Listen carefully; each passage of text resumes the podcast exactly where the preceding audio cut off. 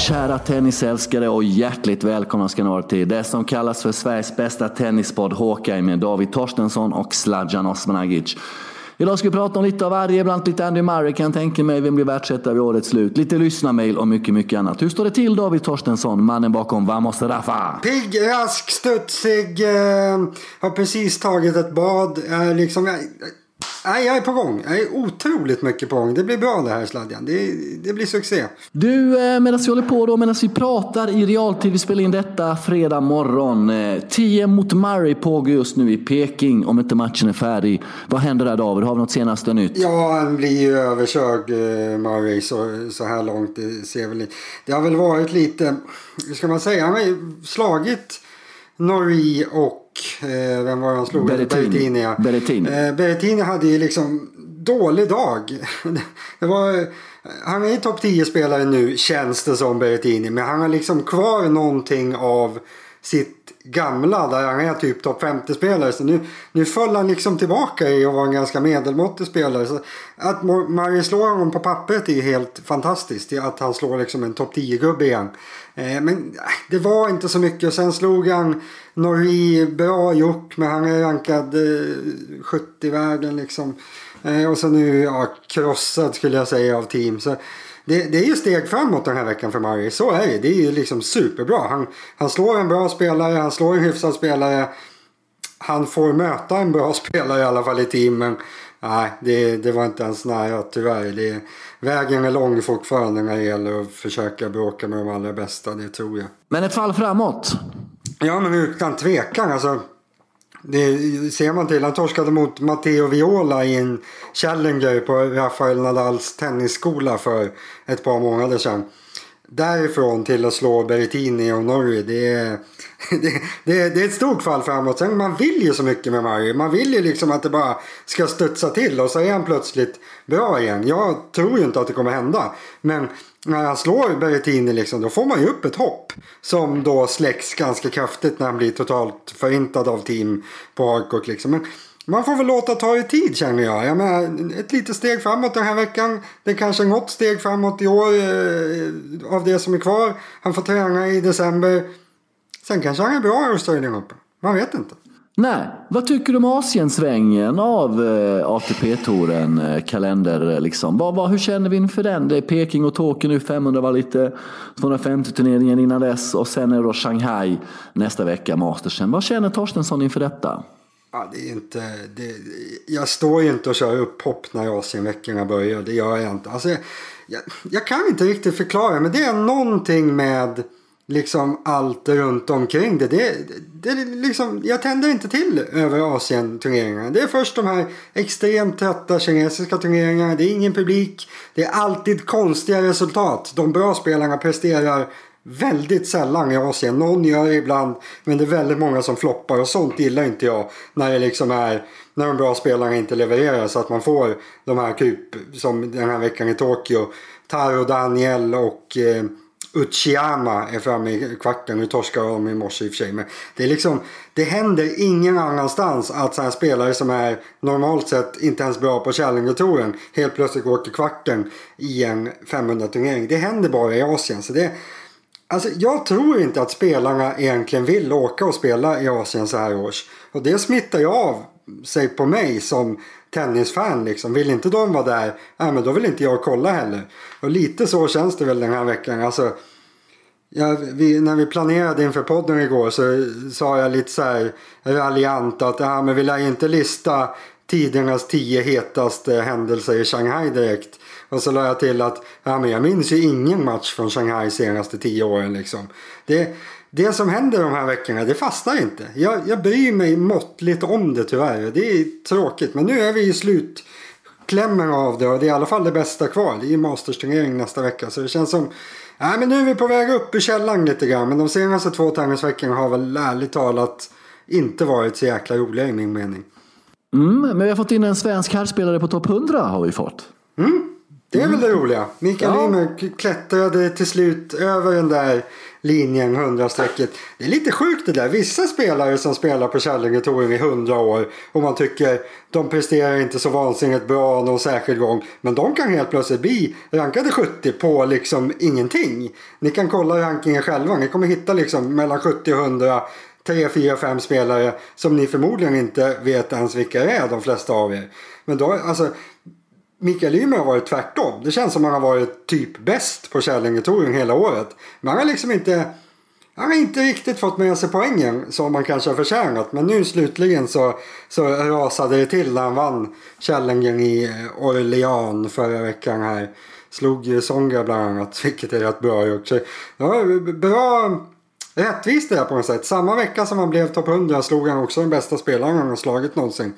Eh, så rankad 83 i vägen den här veckan. Det var väl otroligt många år sedan vi fick en ny svensk topp 100-spelare. Det måste varit Söderling eller Pimpim senast. Det är ju alltså, det är 15 år sedan de blev topp 100 för första gången. Sen har ju de har ju varit topp 100 men sen en ny svensk spelare blev topp 100 i typ 15 år sedan.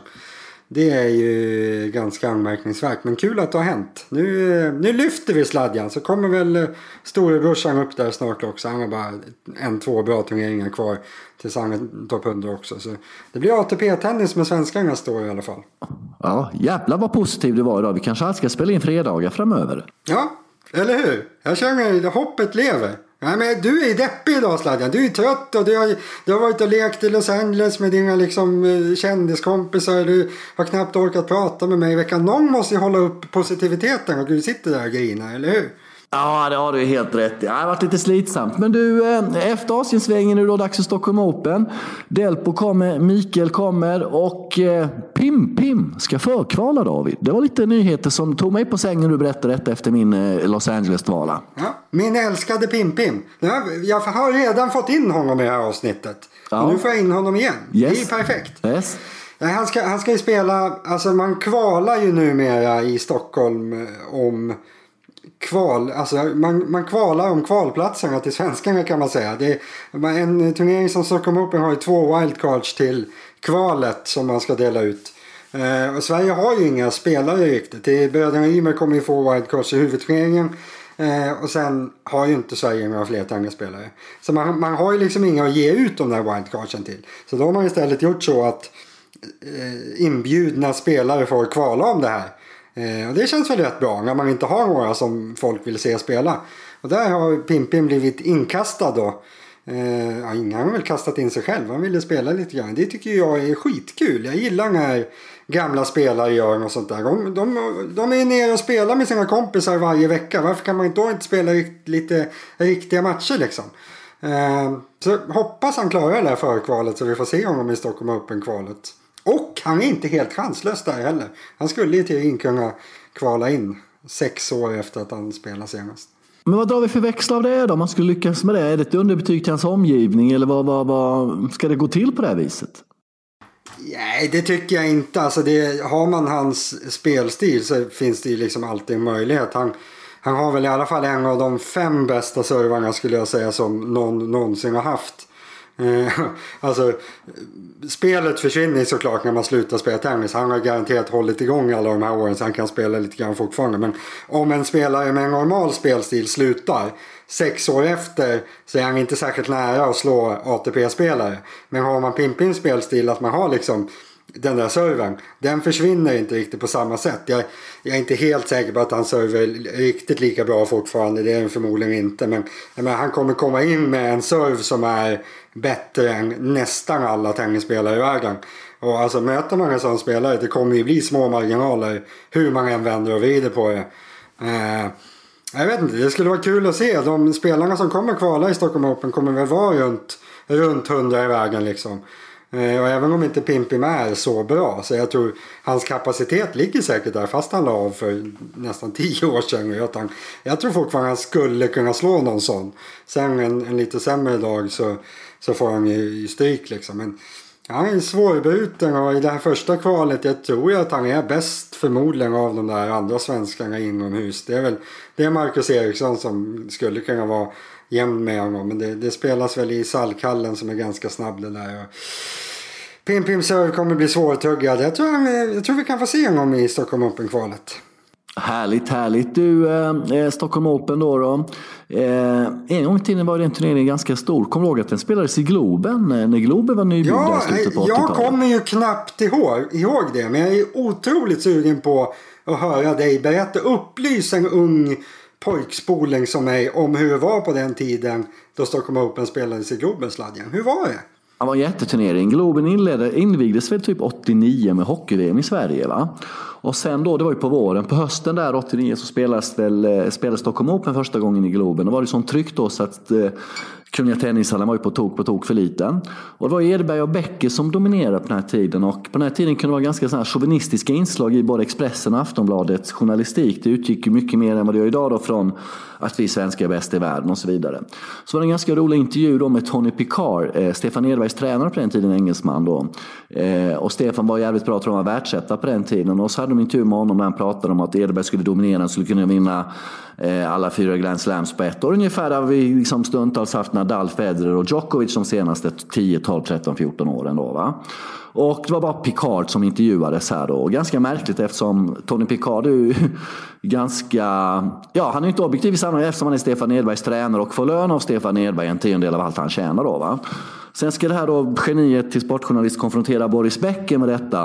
Eh, det var innan Boris eh, hade gått i konkurs och allting och eh, ja, det var ju mellan de två det stod för det mesta då. då. Och då upplyste Becker och journalisten ganska försiktigt om att men snälla någon, det är Tony Picard som säger det här. Hans tränare, hur skulle det gå till om ni intervjuade Nicky Pilic, min tränare? Han skulle säga exakt samma sak. Det här är ju inte seriöst. Och sen då så möttes de i finalen, Becker och Edberg. Femsetare spelade de och Becker vann den ganska enkelt och bekvämt. Sen dog hela den diskussionen där då tycker jag. Ganska det märklig. Var det var bättre, bättre förr. Det var lite mer stökigt. Nej, ett annat härligt Stockholm Open-minne jag har det är inte från själva turneringen, men det är då 2006 när Rafa var där och vann här för mig. Då satt Nej, jag... han torskade ju mot Pimpin va? Så var det kanske, där har du bättre koll på mig. Eh, Då var jag väl inne i fotbollen. Eh, Men då tog Per Hjertkvist med sig Raffa till Sportspegeln-studion där på söndagskvällen. Jag satt ju där varje söndag med, med Jihde då, då. Och han var väldigt, väldigt blyg Raffa. Han strök ut med väggen. Man ett jämt, han tog i hand, han hälsade, han tittade ner och tittade förfärat på Peter när han tog fram en Skogaholmsmacka där och bredde på ordentligt med Bregott på den. Då såg han helt förskräckt ut Raffa där. Men eh. Stackarn. Just man fick ett ganska bra paradexempel på hur blyg han kunde vara på den tiden. Det är ju länge sedan nu, vi snackar 13 år sedan alltså. Men eh, det var lite kul. Vad, vad, körde de, vad körde de för språk? Jag menar, då kan ju han inte ens stapplat sig igenom en intervju på engelska. Hur gick det liksom? Ja, de körde på esperanto, kommer du ihåg det språket? Här på, nej, de körde på engelska. De körde på engelska. De körde på Ja, det, var, engelska. det var korta svar från eh, Nadal då, eller det var very good. Och... Jag har inte så tydligt minne av just in, in i studion utan mer det här i förrummet och i logen och det här med Peters macka och sånt där. Mer, mer det har, har, jag, har, jag, har jag minne av. eh, Gillar han smör, Peter Jihde? Han, han kör tjockt lager eller? Ja, då gjorde han det. Jag kan inte uttala mig om jag har inte sett honom bredvid nu är han på 13 nyttig, nu år. har han diabetes och grejer. Nu är han i hälso... Nu kör han utan smör. Ja, ja det är jag. mycket möjligt. Det är mycket. Jag, jag, var uppdaterad fram till 2006 där var det hans smörintag så jag kan inte uttala mig. Var Globen fullsatt när det var Stockholm Open? Kan det ha varit så? Var Ja, det i, så? princip, I princip var det det. Jag tror att det var lätt Det är över helt 10 000. sjukt vilket jävla drag det måste ha varit alltså. Sanslöst. Ja, du, apropå Raffa. Eh, Raffa spelar inte förrän Paris, sen kör London, Djokovic i Tokyo, så Shanghai nästa vecka. Världsetta vid årets slut.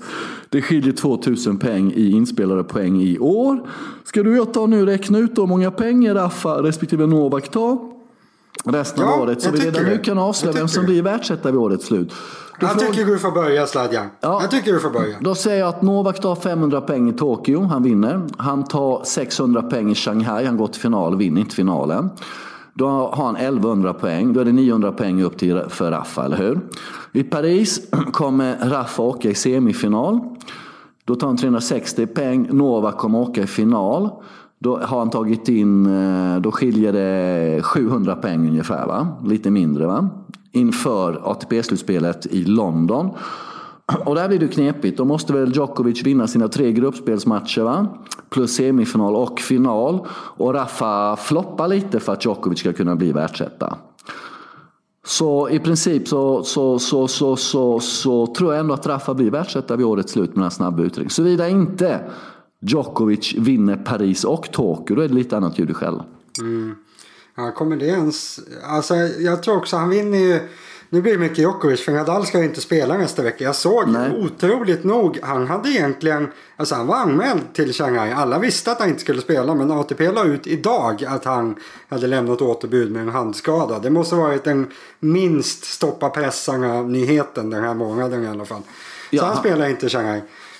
Eh, Djokovic vinner ju den här veckan, det jag såg. Han, han körde över på i morse, eller i natt, på ett sätt som det var otrevligt. Det var blodigt. 6-1, 6-2.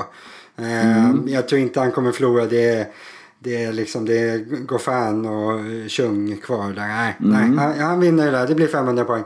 Eh, nästa vecka, får jag, får jag dra till med att jag inte tror att han vinner nästa vecka sladden? Du, hade, du gissade också det va? Ja, final, finaltorsk gissade jag på. Ja, det tror jag mm. också. Då är vi uppe på 1100 poäng han tagit mm, då va? Mm, mm, mm, uh, sen har vi Paris nästa på båda dem. Uh, där tror jag att han vinner. Jag tror att han mm. vinner. Mm. Så slår han Nadal i final där. Tänker jag. Då har han plus 400 han alltså tagit Nadal. in, Ja precis. Då har han tagit in 1500 poäng. Då kommer han vara... Ja. Han är 500, 500. poäng inför slutspelet. Ja. Uh, Nej, jag tror också att Nadal blir... Det här slutspelet är alltid rörigt att börja räkna poäng i. Men jag tror att Nadal reder ut det med väldigt knapp marginal. Det hade ju varit mm. ganska kul om det var finalen i slutspelet som skulle avgöra. Men jag Optimalt. Nej, Nadal, optimal. Nadal löser det där. Jag tror om båda går till final i slutspelet så, så kommer nog Nadal eh, klara sig med förlust där. Och, eh, nej, Nadal, han tappar några veckor som i det här racet om mesta världsettan. Mm. Eh, Novak. Ganska viktigt vem som är världsetta vid årets slut. För då får ju Nadal, eller Djokovic rättare sagt, får inte tillgodoräkna sig alla veckor efter säsongen här. Och han missar ju också förmodligen fram till mars. Minst. För han kan inte mm. ta några poäng i Australian Open. Han spelar ingenting mellan Australian Open och Miami förmodligen. Eh, där kan han ta in. Så han, kan, han blir inte världsetta igen förrän, förrän mars i så fall. Så det är ganska viktigt för Djokovic att hålla i här egentligen. Säg så här, om det kommer till en direktavgörande match, typ en final i ATP-slutspelet i London. Där det skulle räcka då för Djokovic att vinna den matchen, att bli världsetta vid årets slut. Då tror jag han tar Nadal i den finalen. För Nadal, det tror jag också visar ju upp tecken på nervositet emellanåt. Och, eh, nej, jag tror ändå fortfarande Djokovic har Nadals nummer och kommer till head to head. Men det får vi se David. Ja, vi kommer ja, återkomma i det ämnet. Ja, det blir tajt. Det blir, han det kan, blir... kommer ju plocka ikapp en del här Djokovic. Och han är ju bättre än Nadal såklart och bättre på hardcourt. Så alltså, ja, om man säger oddsmässigt, Nadal är ju lite favorit som det ser ut nu. Men han är ju inte någon superfavorit. Det kommer bli sjukt jämnt till slut. Nej, Shanghai nästa vecka. Är du taggad för den då? Zverev ser helt ja, ut i Peking nu när nu när han vet det, har, har, har, det är domstol med förra agenten, han har skrivit på kontrakt med Roger och Tony Godzik, deras agentur, ska spela lite uppvisningsmatcher med Roger både i Mexiko och Sydafrika. Och den här i Mexiko då, den går samtidigt som Davis Cup-slutspelet i Madrid. Så han bangar och spelar för Tyskland där. Efter, hur ser vi på det, unge Zverev där? Är det bra? Alltså jag tycker, ja alltså Davis Cup-slutspelet känns ju i min väg hur, hur elak ska man vara? Men nu när de har startat det här ATP Cup, ATP. Eh, Davis Cup-slutspelet, vad är det liksom? Det känns som... Då, ITF sålde av det för att de visste att ATP skulle köra en egen som kommer bli VM för länder liksom. Så nu, Davis Cup, ah, skit i det. Jag tycker han, ska man skita i någonting så är det väl är väl Davis Cup i min mening just nu. Så varför inte? Sen är det allt det där med att spela uppvisningsmatcher samtidigt som ATP-tennis. Jag vet inte, det, det är väl inte så supercharmigt. Men ska man göra det någon gång så är det, är det väl eh, Davis Cup kanske. Schweiz är ju inte med där i slutspelet. De fick inget, inget wildcard där. Jag tror att det kan ha att göra lite grann med att, att eh, Federer inte hade så stor lust att spela. Nej, någon annan vi ska ha koll på i Shanghai då? Nej, alltså det är väl fed, alltså striden mellan Federer och Djokovic egentligen. Man, man skulle, det, om jag får välja någonting så skulle jag ju vilja att de nu hoppar upp och är klart bäst igen. Jag, jag vill inte ha något, inget strul här där liksom team vinner Shanghai. Jag vill inte ha något sånt. Att, att det visar sig att de bästa spelarna kanske inte bryr sig eller de bästa spelarna är inte bäst.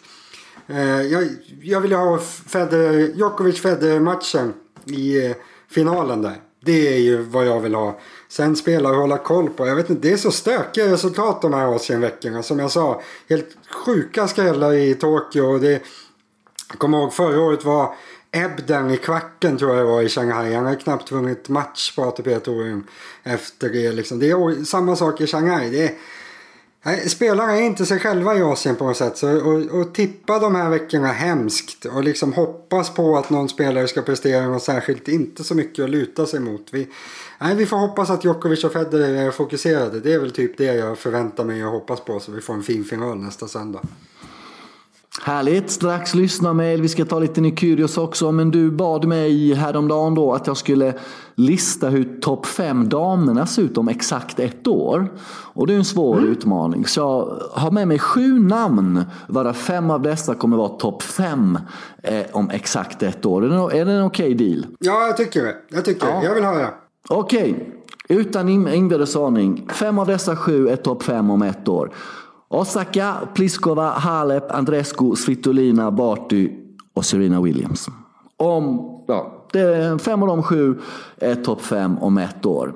Eh, kör vadå, körde du en halvgardering här nu? Ja, det tror jag nog. Jag tog ut sju namn varav fem av dem kommer vara topp fem. Då. Du, ja, du fick uttryckliga instruktioner om att göra en lista på fem spelare mm. som är topp fem om ett mm. år. Och så kommer du med en lista med sju namn. Ja, jag lade till två. så att det blir, ja, vi kan kalla det en halvgardering. det är eh, otroligt kreativt ändå. Ja, det tycker jag. Det tycker om du jag. måste känner... ta bort två. Om, om jag står här med yxan mot din fot och säger åt dig att ta bort två mm. då tar jag bort vilka då? Alltså jag tar inte bort Svitolina, jag tar inte bort Andrescu. Jag tar inte bort Halep. Det gör jag inte. Eh, sen är det svårare. Osaka? Jag har kvar Barty. Sen är det knepigt. Jag får ta bort Pliskova. Jag tar Osaka då som femte så får vi ta bort Pliskova och Serena då för Serena spelar inte så mycket. Så, så fick du din vilja fram. Har du gjort någon lista till idag möjligtvis? Ja, jag har tagit Nej. ut årets... Årets... Är, är jag avstängd gällande listor förresten? Eller är ja, det är lite flytande. Det är flytande. Ja, okay. ja, vi får se hur jag klarar mig den här veckan. Ja. Eh, jag, har, jag har dammsugit ATP-rankingen lite grann. Mm. Eh, och sen sköt jag från höften och plockade ut de tre största flopparna i år på ATP Tour. Ja. Jag har dock inte inbördes, jag har inte inbördes eh, rankat dem, det kändes så svårt. Men en Nej. av de tre största flopparna, Marco Cecchinato, kommer du ihåg honom som slog ja. Djokovic i Franska ja. öppna? Han har inte gått bra i år. Det har gått Nej. så fruktansvärt dåligt. Han är, jag tror han är rankad, eh, han är rankad 75 någonting nu Eh, ja, det kommer fortsätta rasa det där. Han hade en streak på tio raka torskar i somras och då var det ändå, det var under grussäsongen liksom. Så här är bara märkligt skulle jag säga. Han, han höjde sig väldigt mycket förra säsongen och liksom hoppade upp från att vara en jättebra Challenger-spelare till att bli en bra, jättebra ATP-spelare. Nu tycker jag egentligen han ser fortfarande ganska bra ut. Men han har inte vunnit några matcher överhuvudtaget. Så superflopp såklart. Han startade året typ 20 i vägen. Nu kommer han få kriga livet ur sig för att sluta eh, topp 100. Mm. Nästa spelare som jag har plockat ut. Steve Johnson. Vet du vad han är mm. rankad nu Sladja? Nej. Han är rankad 95 i världen. Tycker jag känns lite knepigt. Han är, har ju varit liksom 20, 30, 40 flera år nu. 30 år gammal. Han borde vara på absoluta toppen. Lite skadeproblem i och för sig men han har inte varit bra när han har spelat heller. Ja, det, det är ganska saftigt att rasa från att vara liksom topp 50 med stor marginal till att nästan åka ut från topp 100. Så, eh, svettigt för honom. Och så tar vi tredje namnet som är, ja, han, han, får väl vara etta på listan och så får de där andra två dela. Mischa Serev. Det har inte ja, gått bra i år. Han, han, har haft en karriär som har gått väldigt upp och ner. Kan man ju säga. Han har liksom, jag tror inte det finns någon spelare de senaste 10, 15, 20 åren som har haft så otroligt höga toppar och så djupa dalar. För när han har dalat under en, en till två säsonger då har han nästan varit på väg att åka ut från de 500 bästa på rankingen. Alltså när han tappar sitt spel då blir han så dålig så Ja, men det finns svenskar som kan slå honom och då tänker jag inte på bröderna Ymer. Och då är man inte så jäkla bra. Och om man jämför det med att var det Djokovic han slog ut i Australian Open eller något sånt där något år. Alltså han, han, han, när han spelar riktigt bra, ja, men då kan han ju slå liksom bra spelare. Men han, han har ett spel som han kan tappa totalt. Att han, han, han kan liksom inte spela längre. Det har hänt just nu. Jag tror han är 250 väg någonting. Vi får väl se om han tar sig tillbaka en gång till. Det känns väl lite tveksamt. Han är 32 år gammal. Och kanske vill åka med brorsan istället. Som också var en miniflopp i år. Men han börjar åter bra spel den här veckan av Sasha Zverev. Så han, han klarar sig från den här listan faktiskt. Mm. Nej men eh, stabilt må jag säga. Steve Johnson gjorde väl annars årets hjälteinsats då när Nick Kyrgios var framgången i LOs domare någon Ja. gång där och han gick fram tröttnad och tänkte gå och sätta och sa och vad var det han sa i förbifarten? Do you wanna play tennis or host a fuck? Ja, men han sa typ så jag vill ha en... Ja, just det. Do you wanna play tennis or fucking, host a eh, fucking. TV-show? Ja, talkshow ja, precis. Vilken kung, vilken kung. Kommer, kommer vår redigerare bipa oss på där? Nej det tror Det jag inte. skulle det tror kännas mäktigt. Nej, okej. Du, eh, vi spelade in senaste avsnitt för 10-11 dagar sedan innan jag stack till USA och eh, dagen efter vi publicerade så kom ju då det här med Nykyrios avstängning. Avstängd resten av året. Eh, det kom lagom efter Labour Cup där då och så är det en villkorlig då avstängning som gäller sett över nästa år på något konstigt sätt där och villkorligt eller hur man ska uttrycka det. Fast han, han är ju bara villkorligt avstängd nu också. Så han får ju spela om han vill men kommer inte spela. Så har jag tolkat avstängningen. Alltså, ja, vilken jävla pajasgrej. Det där är ju... Nej, vad säger vi Sladjan? Antingen så stänger man väl av någon eller inte. Nej, man skulle ju stängt av honom direkt efter Cincinnati när han fick sitt utbrott där och att det skulle ta nästan 50 dagar att komma fram till. Till de här lösningarna Men känns ju jättekonstigt. Kan det ha någon, någon, något samband med att man ville att han skulle spela US Open och framförallt Laver Cup först? Tror vi det? Det tror vi inte är omöjligt. Det tror vi alls inte är omöjligt. Vi får se vad som händer framöver med det där men det börjar kännas lite sådär halvmärkligt hela, Ah, usch. hela Men konceptet. det är lite gammalt. Det är flera veckor sedan. Vi har haft ett långt uppehåll i podden här nu. Och varför har vi haft det? Jo, Sladjan har varit i Los Angeles. Du, må, du måste ge oss någonting. Ge oss något behind the scenes material här Sladjan. Berätta någonting från Los Angeles. Hur, hur var Zlatan? Jo, han var på gott humör. Eh, som oftast. Eh, så att, eh, ja. Eh, så det var trevligt, det måste jag säga. Eh, gick bra jobbmässigt sådär. Eh, ja, däremot blev jag ganska sjuk där redan på fredagskvällen och varit ganska dålig faktiskt. Jag hade ju för fan biljett till Rams Tampa Bay där på LA Coliseum och åkte ut och mådde så dåligt så jag fick åka hem. Jag, jag kunde inte gå på matchen ens. På, så det, det var lite segt. Eh, Ja, annars så, vad gjorde Zlatan? Ja, Djokovic skickade lite sms till honom, visade han. Kan inte, säga, kan inte säga vad som stod i de smsen, det var lite kul att och, och, eh, och se. Släpp någonting. Säg någonting som han skrev nu. Vi- Men Berätta. nej, nej, nej, det kan jag I- icke göra. Det kan jag icke göra. Då åker jag ut med fötterna Nu får ni skriva arga mejl. Håkaj och så ska ni skriva hur vek sladjan är som inte släpper. Inte ens jag får veta. Mm. får inte veta någonting. Du vet mycket väl vad han skriver. Det har jag berättat för dig off the record. Men vi kan inte säga det i det här sammanhanget. Så sluta larva det nu. Du vet ju mycket väl vad, vad Djokovic skriver till honom. Eh, så att eh, nu tycker jag du ska sluta spela fin i kanten där. men ja, nej men så det var, det var, det var roligt då. Det var roligt för oss. Sen eh, försökte luska ut vad han ska spela nästa säsong. Eller om han ska spela, men det är fullständigt omöjligt att luska ut det. Det vet han inte själv, eller hur? Tror vi att han vet det själv? Det, det vet jag inte. Det, inte ens det är lätt att utröna. Ska du läsa upp lite lyssnarmail den här gången så vi får lite omväxling?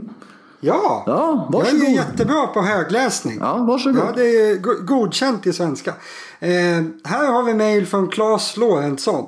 Han har skrivit ett jättestort typsnitt här. Ja, att- det uppskattar jag för vi att han enormt. tänkte att, eh, att du skulle läsa. Alltså det är, det är ett provocerande stort eh, typsnitt. Det var föredömligt. Stor rubrik har han skrivit. Föredömligt, föredömligt skulle jag säga.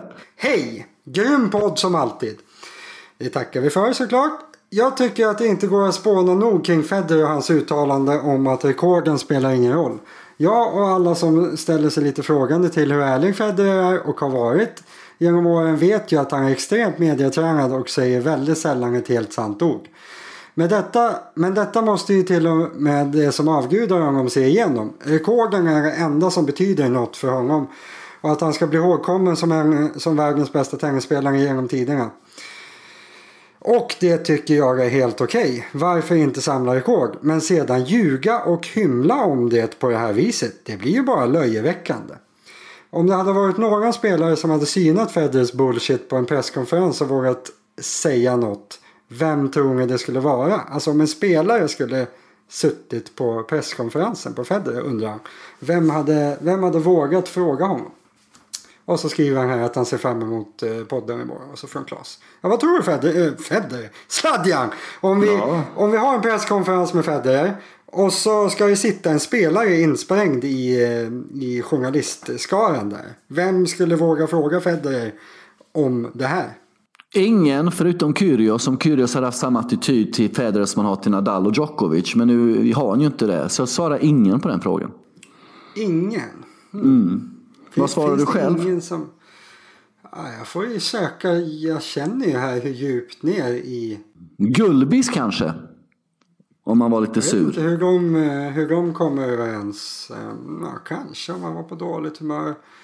Nej, jag vet fan inte. Det, det, det, det kanske är det som Claes vill locka fram här. Det är helt sjukt att man, man kommer inte på en enda spelare som antingen har uttalat sig som att han har något emot Federer eller som man känner skulle ens våga göra det. Jag, jag kommer mm. inte ens på ett uppslag på någon som skulle våga göra det. Jag vet inte. Han, han, han lyckas med de där luringarna som Claes Eh, berättar om där i mejlet antar jag. Nej jag vet inte. Jag vet, jag vet fan inte vem som skulle våga fråga honom. Jag har ingen aning. Nej, Klas får återkomma med egna idéer.